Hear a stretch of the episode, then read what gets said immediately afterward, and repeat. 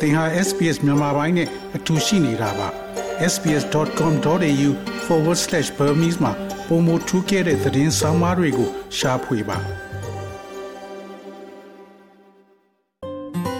SBS မြန်မာပိုင်းကို အင်ကာနဲ့စနေနေ့ည10:00နာရီမှနားဆင်နိုင်တယ်လို့အွန်လိုင်းကနေလည်းအချိန်မီနားဆင်နိုင်ပါပြီ။ မြို့ပြတွေက73စီဆိုင်တွေမှာစီရဖို့တန်းစီနေတဲ့ကားနဲ့ဆိုင်ကယ်တန်းရှည်ကြီးတွေကို တွေ့နေရတာလာနဲ့ချီကြခဲ့ပါပြီ။ဘယ်လို့မှမဖြေရှင်းနိုင်သေးတဲ့ဒီလိုဖြစ်ပျက်တွေဟာအာနာသိန်းကာလ3နှစ်နီးပါးအတွင်းမထူးဆန်းတော့ပဲအောက်ခြေလူလူအတွက်သာထိခိုက်မှုတွေရှိလာတာပါ။ 73စီသားမကပြည်သူလူထုတွေအခြေခံလိုအပ်ချက်တွေဖြစ်တဲ့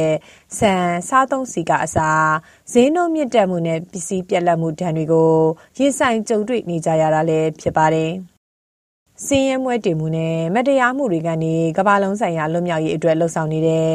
အရှင်အိတ်ရဲ့မြန်မာနိုင်ငံဆိုင်ရာထုတ်ပြန်ချက်မှာတော့လောင်စာစီဈေးနှုန်းနဲ့စားတောက်ကုန်ဈေးနှုန်းတွေဟာအာနာမသိငင်ကထက်၃ဆကျော်မြင့်တက်သွားတယ်လို့ဖော်ပြထားပါတယ်။ မြန်မာနိုင်ငံမှာတော့လက်ရှိအချိန်ထိကုန်စည်ပို့ဆောင်ရေးမှာအတိကအရေးပါတဲ့73စီတွေပြက်လက်နေပြီးတက်စီဆိုင်ချို့မှာတော့ရင်တစည်းကိုအကန့်အသတ်နဲ့ပဲရရှိနေတာပါဒီလိုရရှိဖို့ကိုလည်းနိုင်နဲ့ချီဆောင်ဆိုင်ရတယ်လို့ဆိုကြပါတယ်မြို့စင်ချေပုံရက်ကွက်မှာနေထိုင်ရင်သွာလာရေးအကျွဲဆိုင်ငယ်ကိုအသုံးပြုနေရသူရန်ကုန်ဒေသခံတူကဒီမှာဒီဘက်မှာကျတော့ဆိုင်လေးတွေကအကုန်လုံးသူတို့ကပိတ်ခိုင်းထားတော့ဆိုင်လေးတွေကရောင်းလို့မရတော့ ဆိုင်ကြီးတွေမှာပဲဆိုင်ကြီးတွေသူတော့တလှည့်ချင်းစီရောက်ခိုင်းတာဒီနေ့ဒီဆိုင်ရောက်နောက်နေ့ကျရင်တဆိုင်အဲ့လိုမျိုးရောက်ခိုင်းတာဆိုတော့အခုဆိုင်ငယ်ဆိုရင်စီတိုးအပြည့်ကားဆိုရင်9000ကိုအဲ့ဒါပဲရတယ်တခါတည်းအာနာမသိခင်ကဗမာထဲထဲကိုမှရွေးချက်ကြရတယ်အများကြီးရှိတယ်အခုကျတော့တက်စီကကိုဖက်ဆန်တဲ့ကိုဝယ်တော့မှဝယ်ရခတ်တော့ရွေးချက်ကြရတယ်မရှိဘူးဒီဒီဇိုင်းလို့ဒီဒီဇိုင်းမရဘူးအရင်က1လီတာဘာပါရှိ300ကျော်ရှိတယ်အခုကျတော့လေ2000ကျော်လေအစီတွေပါပြီးပြတ်တော့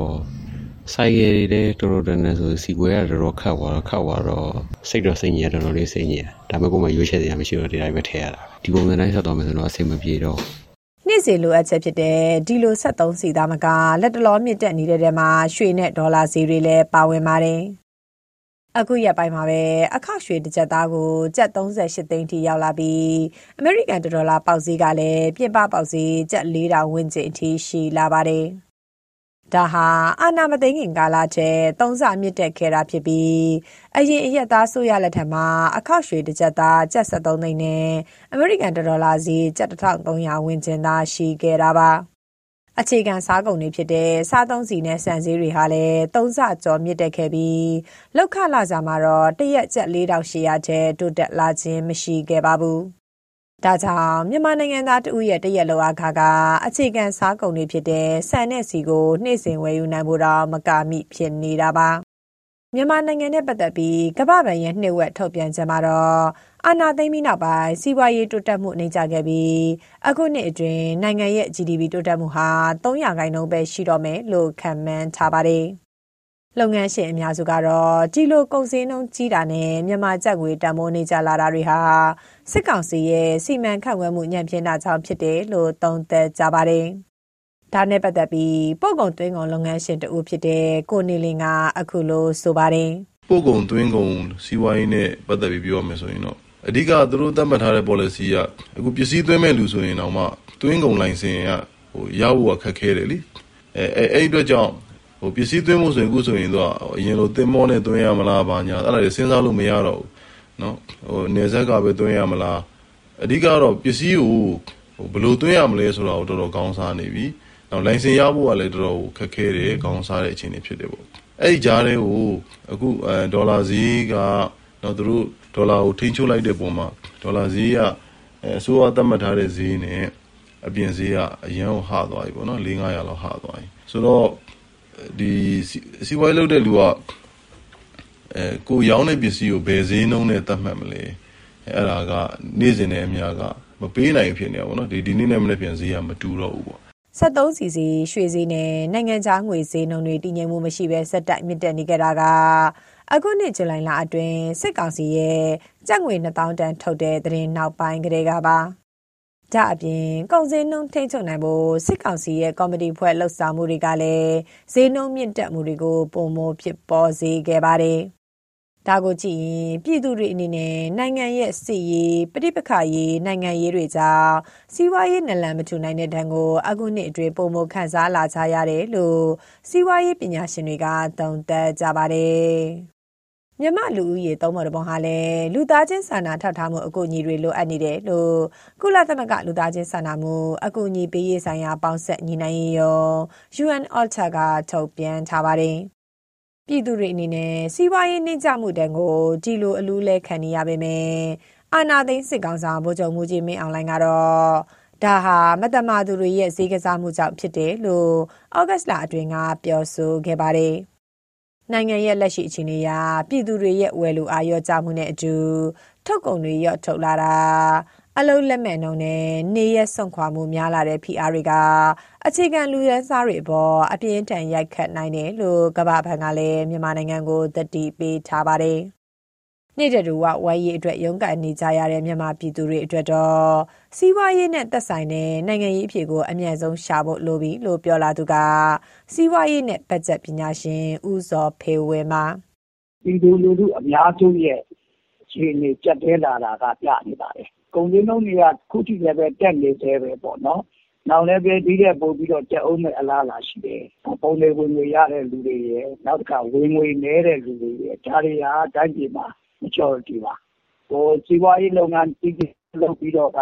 အောင်မြင်ဖြစ်ထွန်းတယ်ဆိုတဲ့လူတွေကတောင်မှပဲတော်တော်လေးအခြေအနေရိုက်နေပါတယ်။အဲ့ဒီလူတွေကတိတ်အဆိုးကြီးမဟုတ်သေးပေမဲ့လို့ခုနကပြောတဲ့ majority ရဲ့အခြေအနေကကြက်တဲကျင်းရောက်လာတယ်။ပိုးပိုးဆိုးလာတယ်။မြန်မာနိုင်ငံရဲ့ဒီငွေကြေးဟာလည်းပဲတော်တော်ကိုအခြေအနေဆိုးတဲ့အနေအထားမျိုးရောက်နေပြီ။အဲ့တော့အဲ့ဒါတွေကိုကြုံပြီးတော့ကြည့်လိုက်မယ်ဆိုလို့ရှိရင်တိုင်းပြည်စီးပွားရေးအခြေအနေက ပြီးခဲ့တဲ့တစ်နှစ်နှစ်နှစ်အတွင်းမှာပိုပြီးတော့ဆိုးရွားလာတယ်လို့ပဲအဲ့လိုပဲသုံးသပ်နိုင်ပါတယ်။အဲဒါကြောင့်ဒီတနှစ်တက်တနှစ်ပိုဆိုးမလာစေချင်ဘူး။စီးပွားရေးအခြေအနေတကယ်ကောင်းလာစေချင်တယ်ဆိုလို့ရှိရင်တော့နိုင်ငံရေးအဖြေကိုရှာနိုင်လို့ရှိရင်စီးပွားရေးကလည်းပဲသူ့ဟာသူအလုံးလုံးကိုကောင်းလာပါလိမ့်မယ်လို့အဲ့လိုပဲပြောချင်ပါတယ်။စီးပွားရေးနှိမ့်ချမှုရဲ့နောက်ဆက်တွဲအနေနဲ့မြန်မာနိုင်ငံအနှံ့မှာရာဇဝတ်မှုအမျိုးမျိုးလည်းမကြာခဏဆိုသလိုဖြစ်ပွားလာပါတယ်။ ကမ္ဘာ193နိုင်ငံမှာတတိယမြောက်ရာဇဝတ်မှုအထူးပြောဆုံးနဲ့အာရှ46နိုင်ငံမှာရာဇဝတ်မှုအထူးပြောဆုံးထိပ်ဆုံးနိုင်ငံဟာမြန်မာနိုင်ငံဖြစ်တယ်လို့ဆွစ်ဇာလန်နိုင်ငံအခြေဆိုင်နယ်စပ်ဖြတ်ကျော်ရာဇဝတ်မှုတိုက်ဖျက်ရေး Global Initiative အဖွဲ့ကအခုနှစ်အတွင်းပြုစုတဲ့စနစ်တကျကျူးလွန်တဲ့ရာဇဝတ်မှုညွှန်ကိန်းမှာဖော်ပြထားပါတယ်။ နေ့စဉ်နဲ့အများဖြစ်ပေါ်နေတဲ့ကပိုင်နိုင်မှုလူရက်မှုလူတက်မှုခိုးမှုနဲ့ဓမြတိုက်မှုတွေကြားမှာပြည်သူတွေဟာစားဝတ်နေရေးကြက်တဲမှုအပြင်လုံခြုံရေးထိပါမှုတွေကိုပါရင်ဆိုင်နေကြရတာပါမန္တလေးမြို့ဒေသခံတူဖြစ်သူမတ်ဟေမာကခိုးဆုံးလူလိုက်တွေကဒါပေါ်တယ်ဒီမှာတော့မှဟိုတနေ့ကပဲတရက်နှစ်ရက်ပေါ့နော်အဲ့လောက်ကတော့မှဓမြတိုက်တယ်လို့ပါလို့အဲ့လိုတွေကြားနေရတယ်နောက်ဆိုလူတွေပါအဲ့လိုမျိုး တရားမတရားတက်ဖြတ်ကုန်ကြမလားအဲ့လိုမျိုးပေါ့နော်ကိုကအဲ့လိုဖြစ်ဖြစ်နေတယ်လို့ထင်တာပဲဒီကနေ့များအဲ့လိုလူတွေကငှက်ပြတ်နေပြီလေတစ်ခုမြတ်တစ်ခုလောက်တော့မှာဆိုတော့အဲ့ပုံစံမျိုးဖြစ်မလားလေကိုကအဲ့ဒါကိုစိုးရင်ပါပါကိုယ်မှာလှုပ်သွားတဲ့လူကရှိတော့ခုလှုပ်သွားရအောင်မှဟိုချက်သွားလို့နောက်သိမ့်ကြလို့ဖြစ်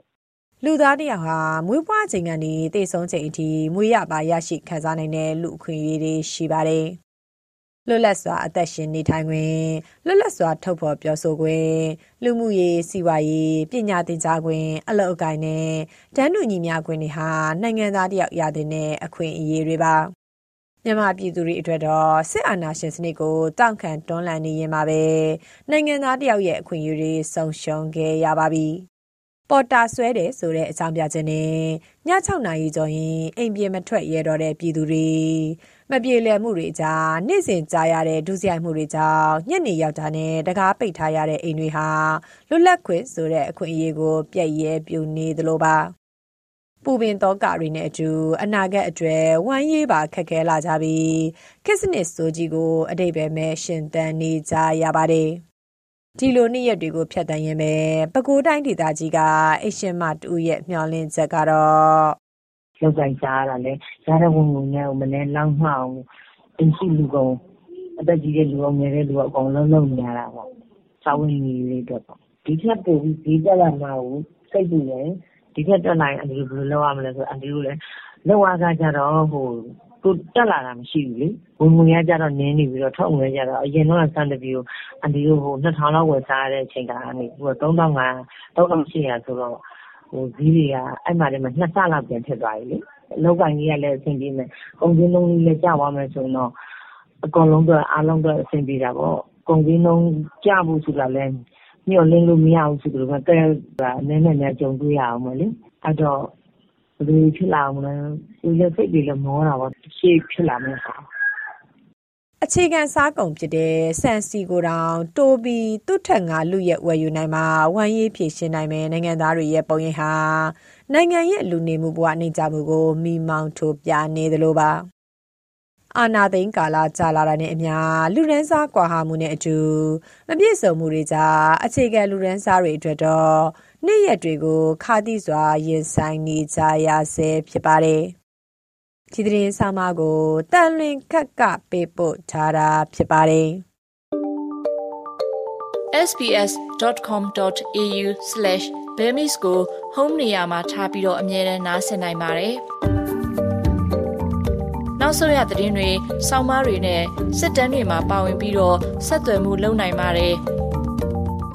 sbs.com.au/bemis ဖြစ်ပါတယ်ရှင်။